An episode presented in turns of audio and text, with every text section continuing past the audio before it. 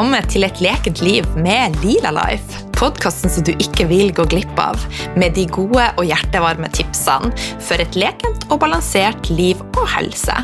Nye temaer hver uke, og jeg har med meg spennende gjester, og noen ganger så er det kun meg. Og hvem er jeg? Jeg er Line Holdal. Jeg er ernæringsterapeut, yogalærer, veileder i eteriske oljer og mamma. Jeg har en brennende interesse for en naturlig helse, miljø og dyrevelferd. Og jeg er i over gjennomsnittet nysgjerrig, og mitt mål er å dele mest mulig med deg.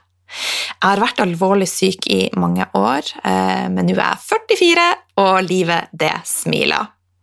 Mitt mål er å vise deg at det er mulig å gjøre en stor forskjell med små endringer. Kos deg med podkasten smask ifra meg. Hjertelig velkommen til en ny episode av Et lekent liv med Lila Life. Dagens gjest er ei dyktig dame med en veldig spennende og allsidig bakgrunn. Hun har jobba som modell, er utdanna samfunnsgeograf og har i flere år jobba i humanitær sektor i Asia, Afrika og Latin-Amerika.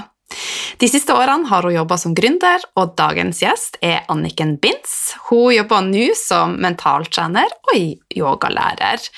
Hun er ei populær dame på eh, podkasten, så det er alltid en stor glede å ønske henne velkommen. Så hjertelig velkommen, Anniken.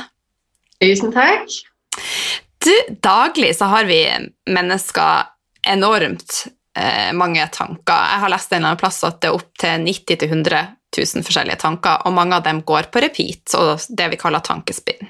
Og vi er jo inne i tider med mye uro, usikkerhet og endringer i verden, og jeg vet at mange kjenner på frykt og angst. Og det er flere som har ytra ønske om en episode med konkrete tips og verktøy for å håndtere det her.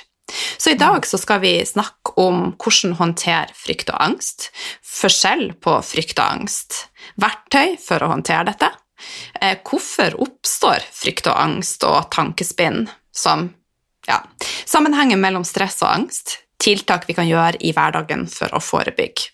Før vi setter i gang eh, samtalen, så vil jeg lese opp ei tilbakemelding fra en av dere lyttere, og den er fra Milla29.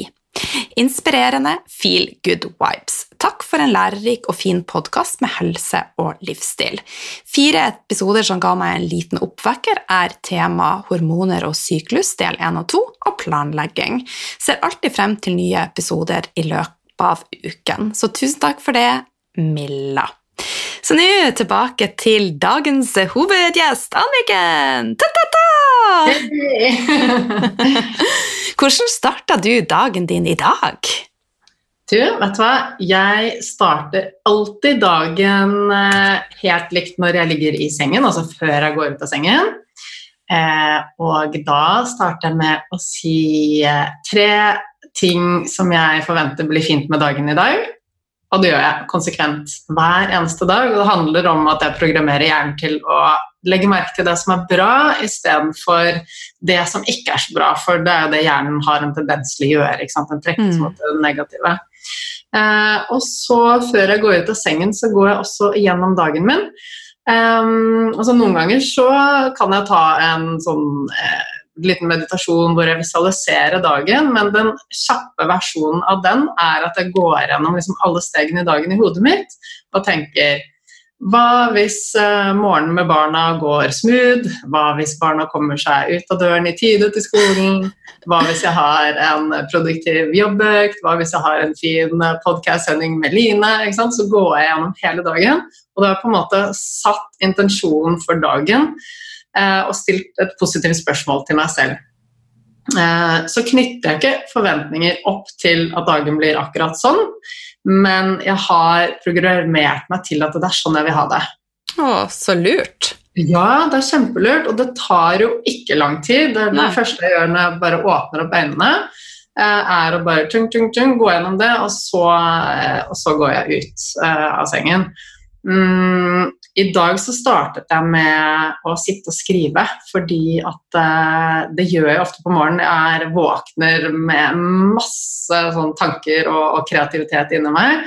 Og ofte så kanskje skriver jeg et innlegg eller en artikkel, eller kanskje jeg sender et sånn inspirasjons-e-poster, uh, eller et eller annet, så skriver jeg ofte det på morgenen, fordi da, bare, da renner det over av inspirasjon. Mm. Så det, og da har jeg liksom fokustid før jeg vekker barna, kanskje står opp en time. I dag sto jeg opp ja, nesten to timer før de, og bare satt og skrev og koste meg. Har du klokka på deg, eller våkna du av deg sjøl?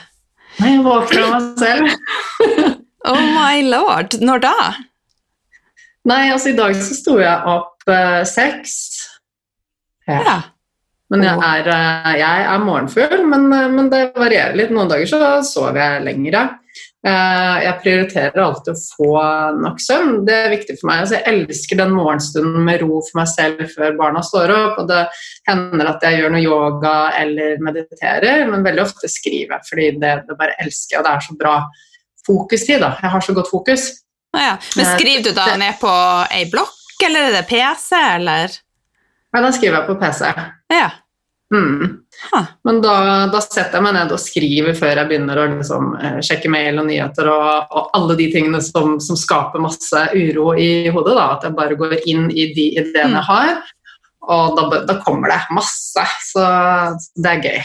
Ja, Men så, eh, når du også, det du sier, at du går igjennom dagen din og setter gode intensjoner, sjekker du da kalenderen på kvelden før, sånn at du husker hva du faktisk skal gjøre?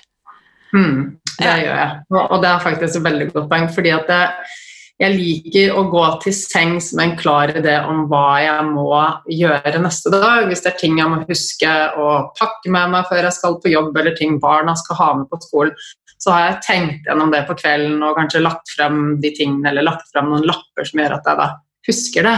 Ja. Sånn at, sånn at jeg er ganske klar på dagen.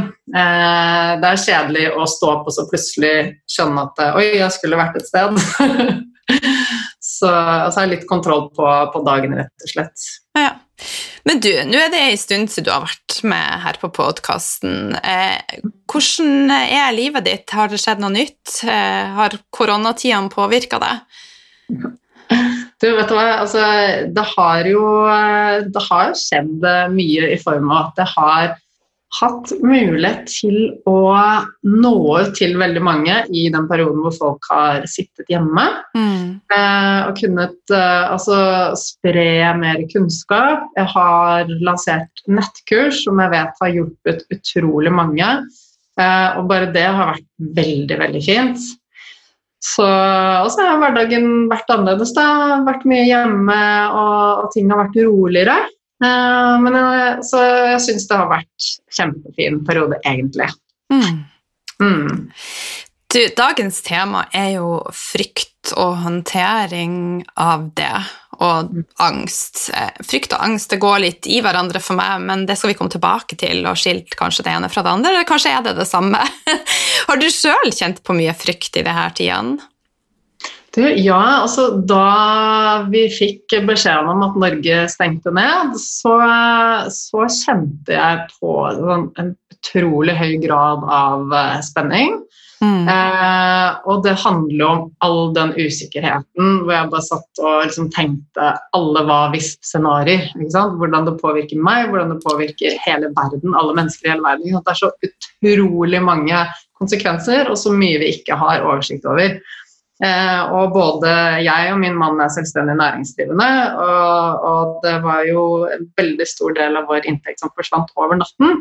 Mm. Eh, så det er klart at eh, Og dette med eh, økonomisk bekymring er jo noe som virkelig eh, er en stor frykt for, eh, for de fleste voksne, og er en, stor, en sterk trigger til stress. Så, så jeg kjente veldig på det den, altså de, den første tiden. Mm. Mm. Ja. Det er også, også helt Altså, det er helt normalt. Uh, og det er jo altså, det er et kjempestort sjokk, det som har skjedd for alle i hele verden. Uh, vi, man går inn i stress enten man vil det eller ikke. altså Uansett hvor, hvor liksom avslappet du er, så er det et eller annet der som Det er så mye usikkerhet, og det trigger oss. Og vi skal få lov til å være der og, og gå gjennom det. Så i den grad vi trenger det, og på en måte bare bli venn med følelsene, kjenne på følelsene, la de komme opp, og ikke drive og sette lokk på de og skyve de bort. Det er normalt å bli stresset, det er normalt å bli redd og, og få angst og, og alle de tingene i en sånn situasjon. Mm. Mm. Men du, da passer det kanskje å ta opp Er det noe forskjell på angst og frykt? Ja, altså det, Der strides jo forskerne. Noen mener at det ikke er belegg for å skille det. Og så har det jo altså Det er jo mange som mener forskjellig, da. Um, men sånn rent fysisk så kan man ikke måle noen forskjeller i hva det er. Eh, Så den fysiske reaksjonen i kroppen er den samme, men det har da vært vanlig å skille på det, så man tenker at frykt er mer en trussel som vi ser, altså noe spesifikt, mens angst det handler om det som vi egentlig ikke vet hva er, det som er i fremtiden. Kanskje man har en forventning og bekymring knyttet til noe. Så, så sånn er det mange som, som liker å skille det ad. Mm. Men altså, jeg tenker, i forhold til sånn som jeg jobber, så spiller det ikke noen rolle om det er frykt eller angst, fordi altså, de mekanismene i hodet de er jo gjerne de samme, og den fysiske reaksjonen er det samme. Eh, Så akkurat om vi putter i kategorien eh, frykt eller angst, eh, det spiller ikke noen rolle for meg. Og ofte så, så kan man tenke seg at angst er noe som i og med at vi ikke helt vet hva det er, at det kan, kan være litt vanskeligere å gi slipp på det. Ikke sant? At det er litt sånn udefinerbart. Mens en frykt, eh, hvis det er da på en måte en sint okse som løper mot deg, og du kjenner på frykt, så er det noe det er helt konkret, og du vet at det går over når oksen er borte. Ja, ja. Mens angst kan være litt mer skummelt fordi vi da ikke helt vet hvor det kommer fra, kanskje, eller ja. Mm.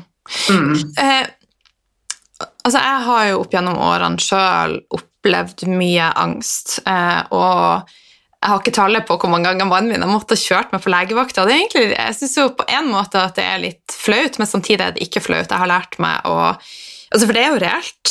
Eh, altså, det kjennes ut som et hjerteinfarkt. og jeg, De måtte måle hjerterytmen og tok EKG på meg. Jeg klarte ikke å puste, eh, trodde jeg. Eh, men hva er det egentlig som skjer i kroppen? Jo, altså når vi går inn i en sånn skikkelig sånn, altså panikkreaksjon, da, som du sikkert har hørt, så, Mm. så er det altså, Det er stress. Det er en stressreaksjon. Men det er da altså eh, fullstendig total alarm i kroppen. Ja, Så det er, eh, det, er, eh, det er jo bare kroppen sin måte å beskytte oss på. Så det er de, de samme tingene som skjer når du går inn i stress. Det er bare altså, enda sterkere, og det skjer jo masse fysiologiske endringer fordi vi skal settes i gang til å kunne eh, nedkjempe en fare eller flykte fra en fare. Og da går blodet bort fra sånn, de indre organene, og de, blodet går ut da, i de store musklene for at vi skal kunne kjempe og flykte. Eh, og altså, blodårene i hjernen de blir også mindre, så vi kan oppleve at vi blir svimmel.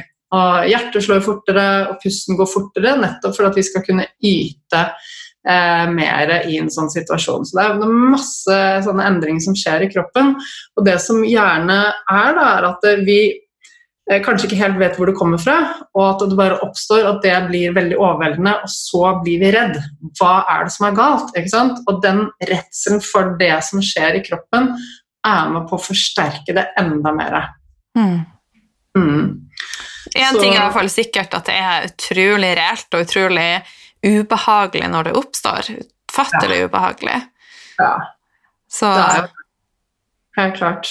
Så, mm. så nå har ikke jeg hatt et sånt anfall selv, men jeg har, eh, kjenner flere som har hatt det, og, og vet jo hvor Altså hvor virkelig det er, og hvor lett det er å tenke at det er et hjerteinfarkt, eller at det, det står om, om livet. Da.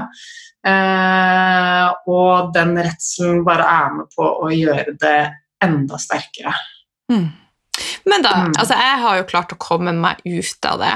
Men hva er dine beste tips som mentaltrener til å klare å jobbe seg bort ifra panikkangst og angst i hverdagen? Hvor ville du ha Mm. starta? Ja, altså det var jo et veldig stort spørsmål. um, men uh, altså jeg tenker jo Og det er veldig mye vi kan gjøre, men um, hvis du tenker på akkurat den situasjonen vi er i nå, uh, eller har vært i, eller sånn, eller sånn, sånn ting vi bare går og tenker på i hverdagen som vi er redd for, men som vi på en måte klarer å kontrollere litt. Mm. Eh, at vi ikke har gått inn i sånn panikkanfall eller noe sånt nå. Og det er tanker, det er, det er, gjerne tanker som de dukker opp, og så kjenner vi at å, gud, vi får en sånn ekkel følelse i kroppen. Det produserer jo stress når vi tenker på at vi bekymrer oss og tenker på ting som vi syns er skummelt, eller har en forventning om at noe skummelt eller noe farlig skal skje. Eh, det eh, viktigste å starte med er å rett og slett bare akseptere at disse tankene dukker opp. Mm. At de ikke er farlige. At det er helt, helt, helt normalt. Fordi tanken vår, den, den altså hjernen vår sin oppgave er å beskytte oss. Den skal beskytte oss mot farer. Den, den, hjernen sin oppgave er å sørge for at vi overlever, og da må den Den, den driver hele tiden og skanner etter alt som er farlig. Det er klart at du legger merke til de farlige tingene, og du eh, husker de farlige tingene bedre, og du tror mer på dem. Um, og de har større verdi. Sånn at uh, de, de, farlige tingene tar mye mer uh, plass i hodet vårt. Det er helt naturlig at disse tankene dukker opp. Og sånn verstefallstenkning, hva hvis det skjer? ikke sant? Det har alle, og det er helt normalt. Så det som er viktig å tenke på, er at det, dette her er bare hjernen din som gjør den jobben den skal gjøre. Ting er akkurat sånn som de skal være. Helt, helt, helt normalt. Og når vi kan slå oss til ro med at dette er en altså normalt fungerende hjerne, sånn den skal være, så blir det også mer ufarlig. Ikke sant? Mm. Det er ikke like farlig. Det er sånn det skal være. Så da går det an å bare takke hjernen. Tusen takk, hjernen min, for at du prøver å passe på deg. Og jeg, nå har jeg tatt den beskjeden, jeg har hørt hva du sier. Men jeg trenger jo ikke hekte meg på den sånn at det blir sånn kvern av tanker som bare spinner og spinner og spinner rundt. Eh, så det går an å gjøre. Og dette krever selvfølgelig trening. Det er ikke sånn at hvis du gjør det én gang iblant, så blir du verdensmester. Du må øve deg på dette over en lengre periode, og jo mer du gjør av det, jo lettere blir det. Sånn som det er med all, all mental trening. Og så er det viktig å vite at det, denne, den, den følelsen du sitter med, og den reaksjonen, den kommer til å gå over. Og når vi vet at den følelsen går over, og at det ikke er farlig, så er det lettere å finne trygghet i det. Så det vi kan øve oss på, er rett og slett å gi slipp. For når vi klamrer oss til en sånn tanke og en følelse og tenker at å, den er så sann Alt det som, som den tanken forteller meg, er jo sant. Vi må tro på det, og da blir vi redde. Og så blir det veldig vanskelig å på en måte skille seg fra den tanken. Men først bare akseptere at ja, men tanken dukker opp, og det skal den, det er hjernen som fungerer som den skal, så bare tenke at det går an å gi slipp på det. Og Det er også en treningssak, dette med å gi slipp. Og ikke holde fast i den, men bare sende den videre. Og Vi kan bruke pusten til å roe oss ned og finne fokus i en sånn situasjon også. Men bare tenke at eh, ok, det, den tanken, den frykten, den er ikke farlig, den er, er, der for en grunn, og det er bare fordi hjernen er som den er, og, og, jeg kan få lov til å slippe den, jeg må ikke holde på den. Og det er også en treningssak. Um, hvis det er liksom vanskelig å bare slippe den, så er det en fin ting er å endre fokus. Og rett og slett bare, Hvis vi ikke klarer å jobbe med den frykten, så går det an å bare tenke på noe annet. Litt sånn som når vi eh, er hos legen og skal ta, få en sprøyte hvis vi ser på at legen setter inn sprøyten og tenker å, nå kommer det til å gjøre vondt, da blir det veldig forferdelig. Men hvis vi liksom bare slapper av, puster, ser en annen vei, og så tenker på hva vi ønsker oss til jul, eller et eller annet fint, så kjenner vi nesten ikke den sprøyten, ikke sant? Mm. Og det, det kan vi også gjøre med de tingene vi ikke trives med. Uh, og så er det viktig å huske på at vi skal ikke liksom legge lokk på det og skyve det bort, men når vi merker at det blir overveldende, så er det lov å skifte fokus. Saken er at vi ønsker ikke å bli værende i den kvernen. Um, så En annen ting som vi også kan si, er, um, er bare uh, Vi kan si den tanken høyt til oss selv, uh, for da blir den kanskje ikke like alvorlig lenger. Altså hvis du tenker at uh, uh, Ja, hva er en eller annen ting du, man kan være redd for, da? Um, hvis du liksom bare sier til deg selv at um, Ja, for eksempel, uh, du hadde vel noe med at uh, sånn angst for barna. Mm. Vi er alltid redd for at det skal skje noe med barna. altså biologisk sett. Vår oppgave er å beskytte barna. Vi skal sørge for at menneskearten overlever. Så, så, kan du Når du merker at du har den tanken, da, så kan du si ok, jeg tenker at jeg er redd for at det skal skje noe med barna. Og så kan du si etter det så kan du si jeg legger merke til at jeg tenker at jeg er redd for at det skal skje noe med barna. Så da har du allerede skapt en liten avstand til deg selv og tanken. Mm. Vi ikke er eh, det som vi sier assosiert med tanken, at vi er i ett med tanken, men at vi er disassosiert. At vi er, liksom, vi er to enheter. Så vi rett og slett stiller oss litt utafor? Ja, ja, fordi da, da, blir tanken mer nøytral. Det er bare en tanke. Du mm. trenger ikke ta den alvorlig. Det er helt legitimt at den er der. Den skal være der. Du skal være redd for barna dine. Du skal skanne etter farer. Hjernen din fungerer på den måten. Men så velger du også å si at nå har jeg fått den beskjeden, jeg er blitt påminnet om det. Jeg trenger ikke hekte meg på det. Så, så da bare si høyt til deg selv jeg, legger merke, nei, jeg tenker at jeg er redd for at det skal skje noe med barna. Og etter å ha sagt den setningen sier du 'jeg legger merke til at jeg tenker at' Og så sier du setningen, og da, da er du allerede begynt å ta luften litt ut av den. Ja. Det skal jeg eh, sannelig begynne å gjøre. ja. er det, sånn, det som er viktig, er at med mental trening så kan det høres litt sånn enkelt og greit ut noen ganger. Ja, bare si og gjør det. Mm. Uh, jeg vet at det er ikke alltid det er enkelt, for det ligger jo uh, mange ting bak. Det ligger sannheter, altså overbevisninger som vi tror på, og det ligger mønstre som er, liksom, sitter veldig godt i oss. Mm. Så vi skal ikke føle på noe skam eller skyld hvis vi ikke klarer å snu det. Jeg vil anbefale å få hjelp hvis vi har altså, tanker som begrenser oss veldig, da, altså frykt og angst og sånn. Um, det fins jo masse uh, dyktige både altså coacher og uh, psykologer. Uh, og jeg vil også si at teknikker som hypnose er veldig nyttig for, for å jobbe med angst. Mm. Eh, jeg hadde jo en sønn som jeg tok med til en psykolog som er, er veldig dyktig og jobber med hypnose, så kjempefine resultater der. Så, så jeg tenker at har du liksom noe som du kan leve med, så er det kanskje ikke et problem, men når du begynner å begrense deg i livet ditt, når du ikke tør å gå ut eller du ikke tør å gjøre ting, eh, og du går rundt med masse stress i kroppen fordi du har angst, da begrenser du deg, og da ville jeg gått og fått hjelp et eller annet sted. Ja. Men du, mm. det som jeg kjenner litt på meg sjøl, er jo at du har allerede nevnt at stress er med å trigge angst og frykt. Så når jeg er stressa, så blir jeg lettere redd, da.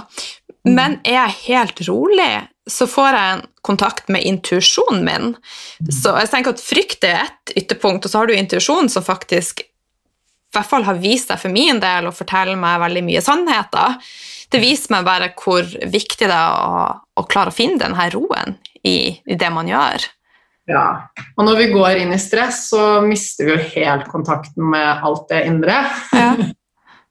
um, og det er fordi at uh, da er det Stress handler jo om survival, og vi går rett inn i de gamle, kjente mønstrene Mm. Så det er ikke sånn at hjernen tenker og vurderer og kjenner og føler etter. Det er bare rett inn i den mest effektive action, og det er de mønstrene som vi har gått opp fra før. Det, vi, det som er vanene våre. Og en vane kan være en tanke, og det kan være en måte å gjøre ting på eller si ting på. Ja. Du sa jo at sånn biologisk er vår oppgave å ta vare på, på ungene våre. altså Det er vår jobb, da. Men vi er jo også fra naturens side programmert til å tenke mer negativt? Kan det, altså for, Rett og slett for å overleve? Er ikke det en realitet? Jo, ja. absolutt. Så, og, og, det er jo altså, fryktelig utfordrende. Det, er, det, er, sunt at vi er skeptiske, det er sunt at vi er liksom, kritiske og tenker negativt. Eh, men når vi også vet at det er det, den tendensen hjernen har, så kan vi også velge hvor mye vi tror på all denne negativiteten. Og vi mm. kan da velge å programmere oss om til å til å tenke mer konstruktivt. Da, det er derfor jeg starter hver eneste morgen med å minne meg selv på de bra tingene i livet og trene opp den positive muskelen. For hvis jeg ikke gjør det hver dag, så kommer jeg til å gå rundt og legge merke til alt det som begrenser meg, og det har jeg ikke lyst til. At, at dagen min ble fylt med uff og okk og orker ikke og. Og det klarer jeg ikke, og, og de tingene.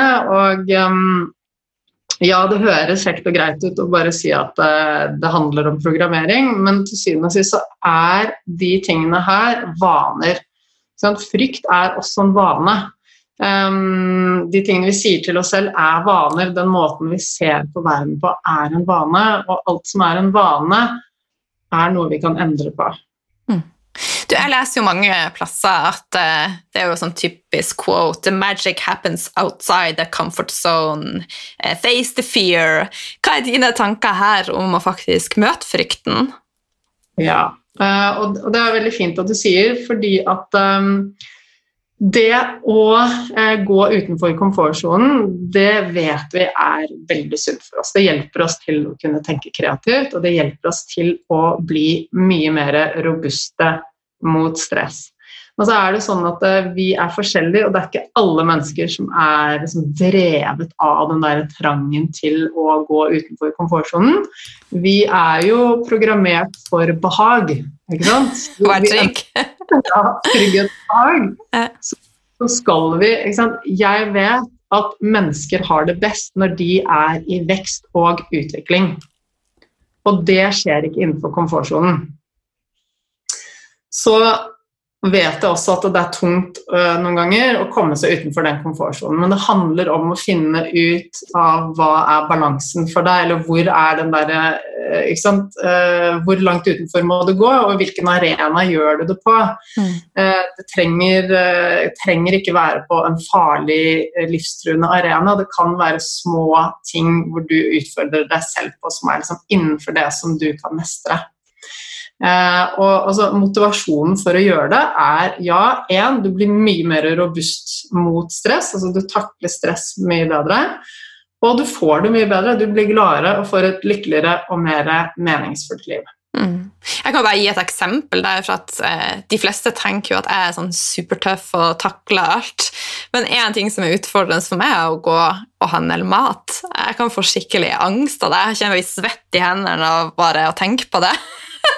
Men jeg er jo nødt til å gjøre det av og til, og da er det kjempeviktig for meg at jeg gjør det rolig, og at jeg ikke har det travelt. Gjerne bruker litt eterisk olje og visualiserer at jeg er i megaboble, og at jeg er beskytta.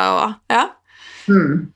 Så Ja, helt klart. Og, og det, er det, er dette med at det er en det å gjøre det til en vane eh, altså Før så, så, drev jeg med basehopping, og jeg klatret jo rundt i fjellet, høyt oppe i trollveggen uten sikring og balanserte på sånne små eh, luftige kanter. Og var helt rolig. Men hadde jeg gjort det i dag, så hadde jeg jo eh, taklet det ganske dårlig. Fordi at jeg er ute av trening på det. Ja. Det er ikke det er ikke lenger en vane. Så jeg merker nå at de gangene jeg liksom beveger meg opp i litt luftige fjelltopper, så har jeg ikke like mye ro og kontroll som det jeg hadde på den tiden hvor jeg drev med dette til daglig. Så det er faktisk noe man øver, til, øver seg til å takle? Ja, det er en øvelse, og det er ferskvare. Og alle som står på ski eh, og bor i Norge, vet jo at de første skiturene på sesongen, da er man jo litt rusten, og ting kan være litt sånn skummelt og litt rart, og sånn, og så kommer man inn i det og blir verdensvant igjen. Mm. Så, så, sånn er det med alt. Og, og, og dette med og viljestyrke og frykt, det er vaner. Hvis vi eh, hver dag, eller med veldig jevne mellomrom, pusher oss selv litt, så er det mye lettere å, å takle det, de situasjonene når det virkelig gjelder. Mm. Men sånn som i hverdagen, har du noe ting du er redd for, har angst for? Du, vet du hva? Eh, ikke nå lenger, men jeg har hatt eh, skikkelig angst, eller sånn, jeg har hatt vannskrekk helt siden jeg var eh, liten eh, og bodde i Saudi-Arabia. Og pappa fortalte om haiene og kråkebollene der vi drev og badet. Og etter det så hadde jeg helt Altså, jeg turte ikke å bade i badebasseng engang. Nei. Så, så Og jeg eh, Jeg er jo av en person som liker frykt. Altså, frykt er min beste venn. Um, og det handler, om, uh, det handler om noe annet å ha med personlighet å gjøre. Men jeg begynte å uh, bølgesurfe nettopp fordi at jeg søkte den frykten. Og jeg visste at dette her var noe jeg, jeg fikk helt angst for. Uh, og jeg likte den frykten, men likevel så kjente jeg at den vannskrekken begrenset meg så utrolig mye. Og jeg brukte eksponeringsterapi for å bli mer og mer komfortabel. Mm. Og det hjalp til en viss grad. Jeg klarte å kontrollere. Jeg hadde brukte mye pust og masse teknikker for å bare roe meg ned. Men jeg var fortsatt redd. Men det var liksom jeg klarte å, å, prestere, jeg klarte å gjøre de tingene jeg skulle gjøre, selv om jeg var redd. Eh, men det la masse begrensninger, og jeg, ble, jeg fikk ikke så mye fremgang i surfingen fordi jeg hele tiden var redd og trakk meg tilbake. Og så gjorde jeg en visualiseringsøvelse eh, som, eh, som, går på å, å, endre Altså endre mm, det som er altså, linken mellom trigger og årsak. Eh, og det er jo sånn at det, som jeg sier, så er frykt og angst er en vane. Det er, et, det er et sånn mentalt mønster som du har vent deg til. ikke sant? Når du tenker på butikken, så kommer den følelsen. ikke sant? Du ser, ja. du ser for deg butikken. Når jeg bare tenkte på at jeg skulle begynne å gå mot vannet, så var hele kroppen satt ut av spill.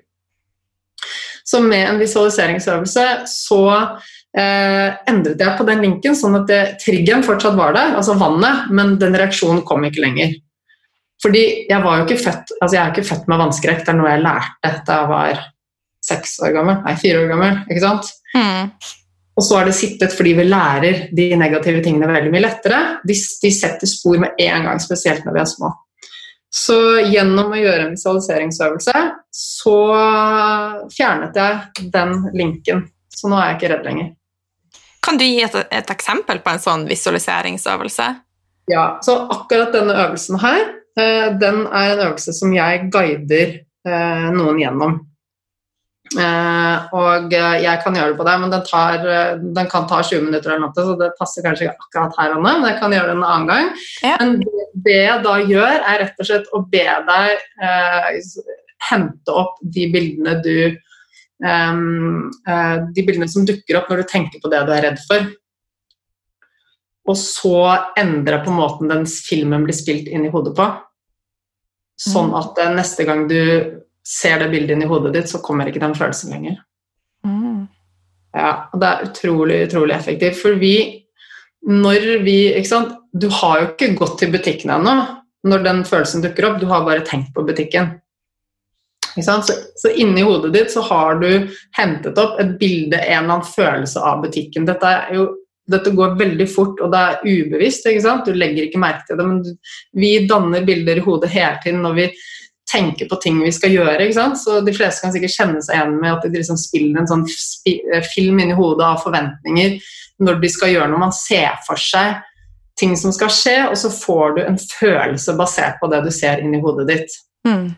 Og de, Dette blir jo mønsteret, så hver gang du ser dette bildet inni hodet, så kommer den samme følelsen. Så hvis vi da eh, endrer på måten den filmen spiller seg inn i hodet ditt på, så får du ikke den reaksjonen lenger.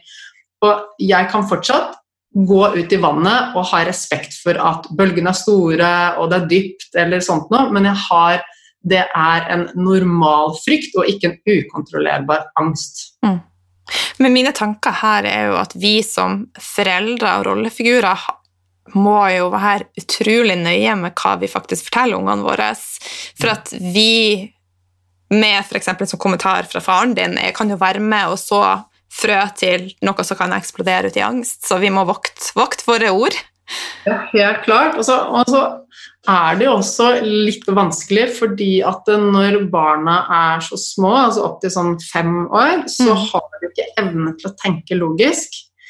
Så vi lærer jo bare av uh, ting som skjer rundt oss, og vi trekker konklusjoner. Uh, og lager en oppfatning av hva det betyr for oss. Og de er gjerne altså, basert på helt feil grunnlag. ikke sant? Kanskje um, mor var litt stresset en dag og kjeftet på deg da du gjorde noe. Eh, og så lærer du det at nei, men eh, mor er bare glad i meg hvis jeg eh, gjør noe bra. ikke sant? Sånn, da, da, kan et barn lære at eh, jeg eh, er ikke verdt å elske med mindre jeg gjør noe for å fortjene det. ikke sant? Mm. Sånne ting kan vi bære med oss gjennom hele livet. Eh, og spesielt i forhold til sånn med angst og frykt og sånn. altså de negative tingene, de som på en måte er litt truende, de husker vi så lett, og vi lærer av de etter én gang. Hvis vi skal lære av de liksom, positive hendelsene, så trenger vi å høre de dag ut og dag inn. ikke sant? Og fortsatt så tror vi ikke på det. det er jo ganske sykt. Ja. ja. Jo, det handler jo bare om, om, at vi er programmert for å overleve. så Menneskearten skal overleve. Og, og, så lenge vi vet det, og så lenge vi aksepterer det, så er det ikke så farlig. Uh, og så må vi bare liksom ta litt grep om det og si at ok, jeg vil ikke være med på Jeg vil ikke ha et liv som begrenser meg. Jeg vil ikke ha et liv med masse indre stress, jeg vil ikke ha et liv med masse bekymring og angst. Jeg vil ha et liv jeg, hvor jeg har det bra. Uh, og det handler jo om altså, Disse tankene og følelsene, angsten og frykten og alle de tingene, de vil dukke opp. Den der, tvilen på deg selv, den dårlige selvfølelsen Alle sånne tanker og følelser vil dukke opp. Men du hekter deg ikke lenger på dem. De, de påvirker deg ikke lenger når du da lærer å, å takle det. Mm. Det er når vi begynner å kjempe mot det eller lage et issue eller vil ikke ha de tankene der, prøver å dytte de bort, da blir det jo bare større. Eller at vi kjenner at vi blir redd for de, eller vi, vi, liker jo ikke ubehag, vi er jo programmert for å ha det behagelig, så alle ubehagelige følelser vil vi jo bli kvitt med en gang. Mm. Jeg hørte et intervju, husker, han heter Sat, Sat tror jeg. Eh, han hadde ja, utrolig eh, fint resonnement på det med sinne og frykt og Han sa jeg har jo et valg. Jeg kan velge hva som påvirker meg, hva som ikke påvirker meg. Så han sa at så jeg var 20 år, så det er ingen som har fått gleden av å gjøre meg sint. det var et valg han hadde tatt. så eh, jeg skal, jeg skal, linke han opp mot episoden. Han er, jeg tror jeg sa feil navn nå, men han er en sånn type. Utrolig kul type. Ja, det er jo kjempefint, og det, og det, er jo rett og slett bare et valg. Hva vil vi ta inn? ikke sant? Mm. Hva vil vi velge å tro på? Hvis vi velger å tro på noe, så tar vi det inn. ikke sant? Hvis noen kritiserer deg, og du sier deg enig i kritikken, da vil det påvirke deg. Hvis, men hvis noen kommer med urettmessig kritikk, og du sier til deg selv at vet du hva, det her er jeg ikke enig i, det tror jeg ikke på, da kan heller ikke den kritikken skade deg. ikke sant? Eh, så, så, det handler om hvor mye tror du på den tanken og følelsen som har dukket opp. Ja, det dukker opp en redsel, det er helt normalt, men ligger, den liksom, henger den sammen med virkeligheten? Jeg tenker at det, er det viktigste, altså Hjernen vår den, eh, den friker helt ut når ting er usikkert. Når det er endring som vi ikke kan kontrollere utfallet av, så er det en kjempestor trussel for hjernen vår, og da er, da er stress det neste steget. Ja. Um, så, så, når vi, sant, sånn som det har vært i koronasituasjonen, sånn, da, da, er det så mye usikkerhet. Så, så, i en eller annen situasjon hvor man er redd, kanskje det er sykdom i familien, kanskje, kanskje et eller annet som skjer, så handler det om å finne ut av fakta så mye som mulig. For da får du kontroll og, og du får oversikt, og det gir deg ro med en gang vi har oversikt. Så finne ut av fakta og finne ut av hva er egentlig worst case scenario. Altså hvor er det verste som kan skje. Så faktisk bare sette seg ned og kanskje skrive ned på papir og ta en prat med partneren eller de involverte og prate om det og ja, faktisk og, og, Hensikten er at du skal fjerne usikkerheten og den uoversiktligheten, og du skal finne flest mulig konkrete ting. Du skal finne fakta, du skal finne konkrete ting, og så skal du finne ut av hva du kan kontrollere. Og dette her er bare å merke seg. Så i enhver situasjon hvor vi trigges av eh, Hvor vi trigges inn i stress, eller det er frykt eller angst eller et eller annet, så har du mest sannsynligvis fokuset ditt på de tingene du ikke kan kontrollere. Mm. Hvis du velger å endre fokuset ditt til de tingene du faktisk har kontroll over, så skaper det en helt annen fysiologisk reaksjon i kroppen din. Så, det er alltid noe du kan kontrollere, om det så bare er pusten din i den situasjonen. Ja. Mm. Og jeg tror jo mange i denne fasen vi er i, har økonomiske bekymringer og ting de frykter. Så da faktisk sette seg ned, kanskje se at dette har vi av utgifter, dette har vi av inntekt, sånn må vi kanskje gjøre. Er det et mm. eksempel? Ja, ja absolutt. Ja. Få oversikt, altså sette opp et budsjett. Hva har vi å rutte med? Hvor mye har vi inn, hvor mye har vi ut? Eh, og så Hvis man ser at det er et stort eh, gap der, så er det sant, det å lage en handlingsplan mm. det, det, gir veldig mye kraft. Det å, det å, gjøre noe produktivt for å komme ut av situasjonen. Det er alltid noe du kan gjøre. Om det så er å sørge for at du får nok søvn, sånn at du er bedre rustet til å møte det som skjer. Det er alltid noe du kan gjøre for å forbedre og jobbe mot å forbedre situasjonen din. Og det gir deg ro, og det gir deg en følelse av kontroll. Så alt handler om at hjernen liker ikke når den ikke har oversikt og ikke har kontroll, når det er usikkerhet. Så du må gi hjernen din sikkerhet. Mm. Det er alltid noe sikkerhet du kan gi den. Og det som er ironisk det er at de fleste jeg har vært der sjøl, det er jo at vi legger lokk på det som er usikkert. Lar være å åpne regninger, lar være å svare på ei tekstmelding for at vi frykter altså, Husker når jeg var på det dårligste, hvis det var ei tekstmelding der jeg visste at ting kunne bli ukomfortabelt, så kunne det gå uker der jeg ikke så på det. Jeg bare laga et lokk, og det vet jeg er en realitet hos mange, men det er jo ikke en måte å komme seg ut av det på. Nei, nei, nei. Og, og, det som skjer er når vi legger lokk på tingene, er at de øker i styrke. Eh, og sant, Følelser de er jo kroppslige, de sitter i kroppen, så det kan gi veldig masse eh, sykdommer og vondter og plager i kroppen. Mm. Og det når vi prøver å liksom komme oss bort fra ubehagelige tanker, det gjør jo også fort at vi blir, kan liksom ty til avhengigheter. Da. Og det kan jo være alt fra å trene for mye eller jobbe for mye, eller det kan være rusmidler, eller det kan være hva som helst. Om at vi blir avhengig av noe eksternt mm. fordi vi vil bort fra dette ubehaget. Ja. Men nå har vi jo prata Du har nevnt vi har snakka om stress, vi har snakka litt om søvn. Er det andre ting i forhold til livsstil som du tror eller som du vet, er gunstig i forhold til å eh, regulere angst og frykt, uro? Ja, altså, og da kommer vi jo ikke uten trening. Det er jo eh, Altså, det er så mye eh, positivt som kommer ut av trening, og vi vet at det styrker oss på så mange måter. Eh, både fysisk og psykisk, og det gjør oss mye mer robuste. Eh, og da vil jeg anbefale bøkene til eh, treningslegen, eller følge han treningslegen. Jeg vet ikke om du har hørt om han, og Ole Petter Gjelle. Men han har også en podkast som han gir ut nå. Nå, en norsk mann? Ja, han er en, en, gammel bekjent av meg, også en gammel fallskjermhopper. Ole Petter Gjelle har forsket en del på, på hjernen.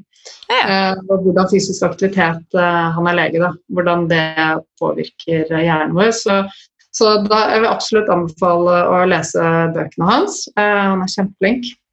Så ja, så, så, fysisk aktivitet det gjør deg mye mer robust og mye mer motstandsdyktig. Og så har du alle helsefordelene også, ikke sant. Um, og så vil jeg også si at livsstil generelt, altså i forhold til eh, kosthold og de tingene Nå er det jo jeg tenker at uh, Hvis du sliter med frykt og angst, så ville jeg, uh, så ville jeg ikke begynt å, å bli sykelig opptatt av hva du spiste. For det kan du bare begynne å gjøre gi deg enda mer stress og angst. Men, men, vi vet jo det at hvordan det står til f.eks. i tarmen vår, påvirker jo vår evne til å tenke positivt og, og holde hodet klart. Så, og alt bidrar. Sant? det er spiser vi, Får ikke kroppen i seg de næringsstoffene den skal, er det ikke balanse i systemet, så fungerer jo ikke hjernen som den skal heller. Og når hjernen ikke fungerer som den skal, så, så er det jo mye lettere å la seg altså, bli revet med i situasjoner. Eh, bli revet inn i stress og, og tenke uklart enn det er hvis vi tar vare på, på kroppen. Og så, og så, er jeg bare opptatt av at det, det, å ta vare på kroppen, det handler om balanse. Eh, I forhold til at eh, blir vi for firkantet, så skaper det også stress og angst. Mm. Um, For meg så var det veldig, veldig um, hva jeg skal si, ikke avgjørende, Det gjorde en stor forskjell å klare å kutte ned på sukker, raske karbohydrater og ikke minst koffein, og jeg drakk også før Cola Light. Det er liksom så rart å tenke på. Jeg var avhengig av lightbrus, eh, og nå har jeg ikke drukket det i det hele tatt på ti år, så det, liksom, det føles som et annet liv. Men jeg var avhengig av alle ting som stimulerte meg, jeg var med og stressa det sympatiske delen av meg. Så det jo gjorde en stor forskjell å klare å eliminere det. Ja, og det, og det har du helt rett i. Alt som, som, som, påvirker sentralnervesystemet, det, det, gjør at du allerede da fyrer sympatikus og er, altså, mye, har en mye høyere grad av spenning, og da er jo veien til enda høyere grad av spenning mye kortere. Mm. Men det er også mm. kjempeviktig det du sier i forhold til altså Nå har jeg i en periode nå følt et veldig restriktivt opplegg, og mm. det ville jeg ikke ha begynt med for ti år siden. Da hadde det bare gjort meg vondt verre. Altså, det hadde kommet til å gjort meg syk. Så ja. Mm, det er noe med alt til rett tid, liksom. Ikke sant. At du er moden for det og klarer å gå inn i tingene uten en sånn enten- eller svart-hvitt-tenkning. At du har liksom aksept og raushet og egenkjærlighet i de tingene du gjør. Absolutt. Du, har du eh, altså Visualiseringsøvelsen tok lang tid, men har du noen andre enkle tips eller øvelser som man kan gjøre eh, i situasjoner som er litt utfordrende? Ja, du, jeg tenkte litt på det. fordi altså, det er jo sånn Når jeg jobber um, Den visualiseringen jeg forklarte til deg, jeg har jo flere varianter av den. Og, og, når jeg jobber med folk, så er det ofte sånn jeg ser an liksom, Vi er i, i, en dialog gjennom visualiseringen for at den skal funke best mulig. Um, men jeg har en veldig fin visualisering som jeg kan guide dere gjennom, som uh, er uh, ganske rask. Og den handler om egentlig å kvitte seg med en, eh, noe som gir oss angst eller frykt. Altså en, en, ting som gir oss en følelse vi ikke trives med. Så den kan jeg gjerne guide deg og alle lytterne gjennom. Ja, så flott. Ja, ja men det er bra. Så, og eh, før vi går i gang her nå, så vil jeg bare si at eh, gjennom denne så kan det godt hende at eh, du som lytter trenger mer tid for å hente opp de bildene som jeg ber deg om å hente. Og da setter du det på pause, og så setter du det på play igjen når du er eh, klar for det. Mm. Ja, så bra. Så da vil jeg bare invitere alle sammen til å lukke øynene. Og så skal eh, du få lov til å se for deg det som gjør at du får altså, angst eller frykt, eller altså, kjenne på den følelsen som du ikke har lyst til å ha. Så bare legg merke til det bildet som dukker opp i hodet ditt. Det kan være noe som har skjedd, eller noe som du er redd for skal skje. Og hvis, ikke, hvis det ikke dukker opp noe, så spør deg selv hvor er du når du opplever den følelsen du vil bli kvitt, eller når er det du opplever det? Og så kan du gi eh, et tall til deg selv på skalaen 0 til 10 i forhold til hvor intenst denne følelsen er. Og da er 0, da kjenner du ikke noe i det hele tatt, og 10, da er det maks ubehag. Så bare merk deg hvor du er på skalaen 0 til 10.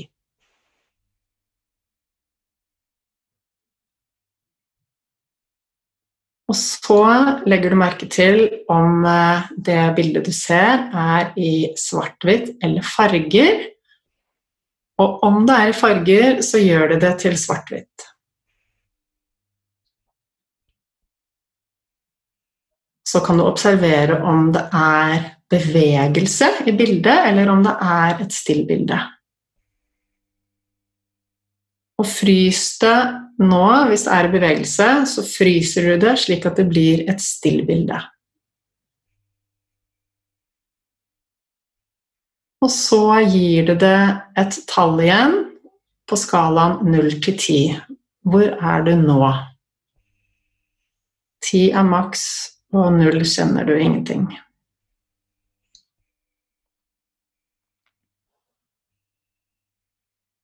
Og så forestiller du deg at du har en eh, dimmer, altså en sånn bryter, for du kan endre lyset. Så skrur du på denne dimmeren, så det blir mørkere og mørkere, mørkere, til det blir nesten helt mørkt.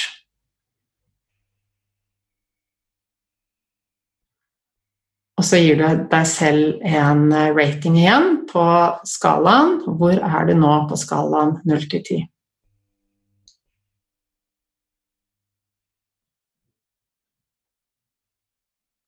Og så kan du forestille deg at du har en bryter som endrer på kontrasten i bildet. Så nå gjør du bildet mer og mer uklart, mer og mer utvisket, så det blir helt sånn vasket ut, så du nesten ikke kan skimte noen ting lenger. Og så gir du det igjen en rating på skalaen 0 til 10. Hvor er du nå? Legg merke til hvordan det endrer seg.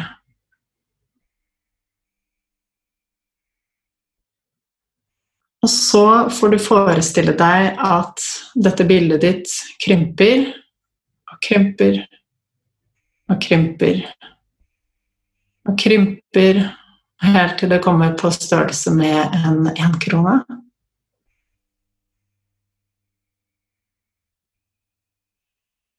Og så gir du det igjen en rating. Hvor er du på skala nå fra null til ti?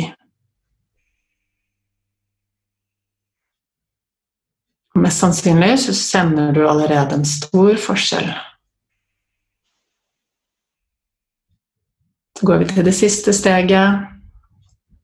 Tar du dette bitte lille svart-hvitt, utviskede, mørke stillbildet og kaster det så langt du kan bak deg, helt til det forsvinner og du ikke kan se det lenger.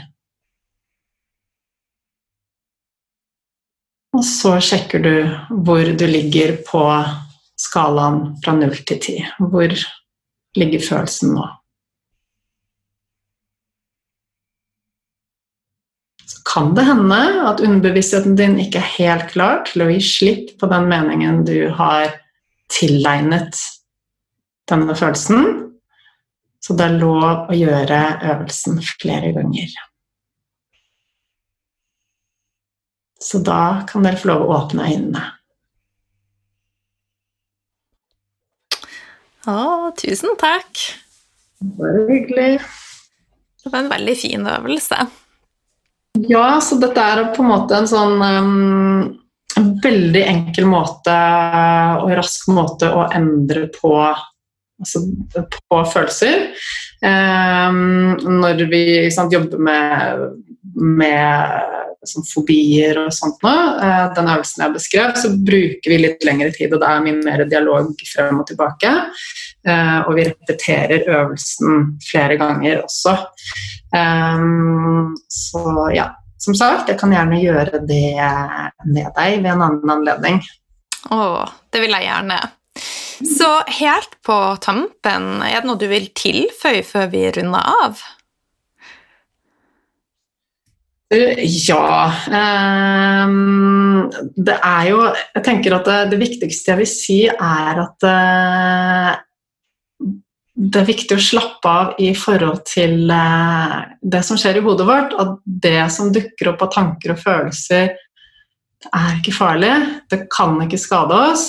Og når vi begynner å bare bli litt nysgjerrig på det og slappe av i det, og vi, når vi vet at det går over, så påvirker det oss ikke like mye.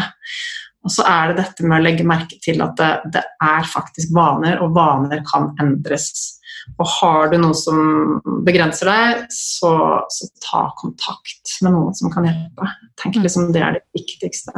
Ja, kjempelurt.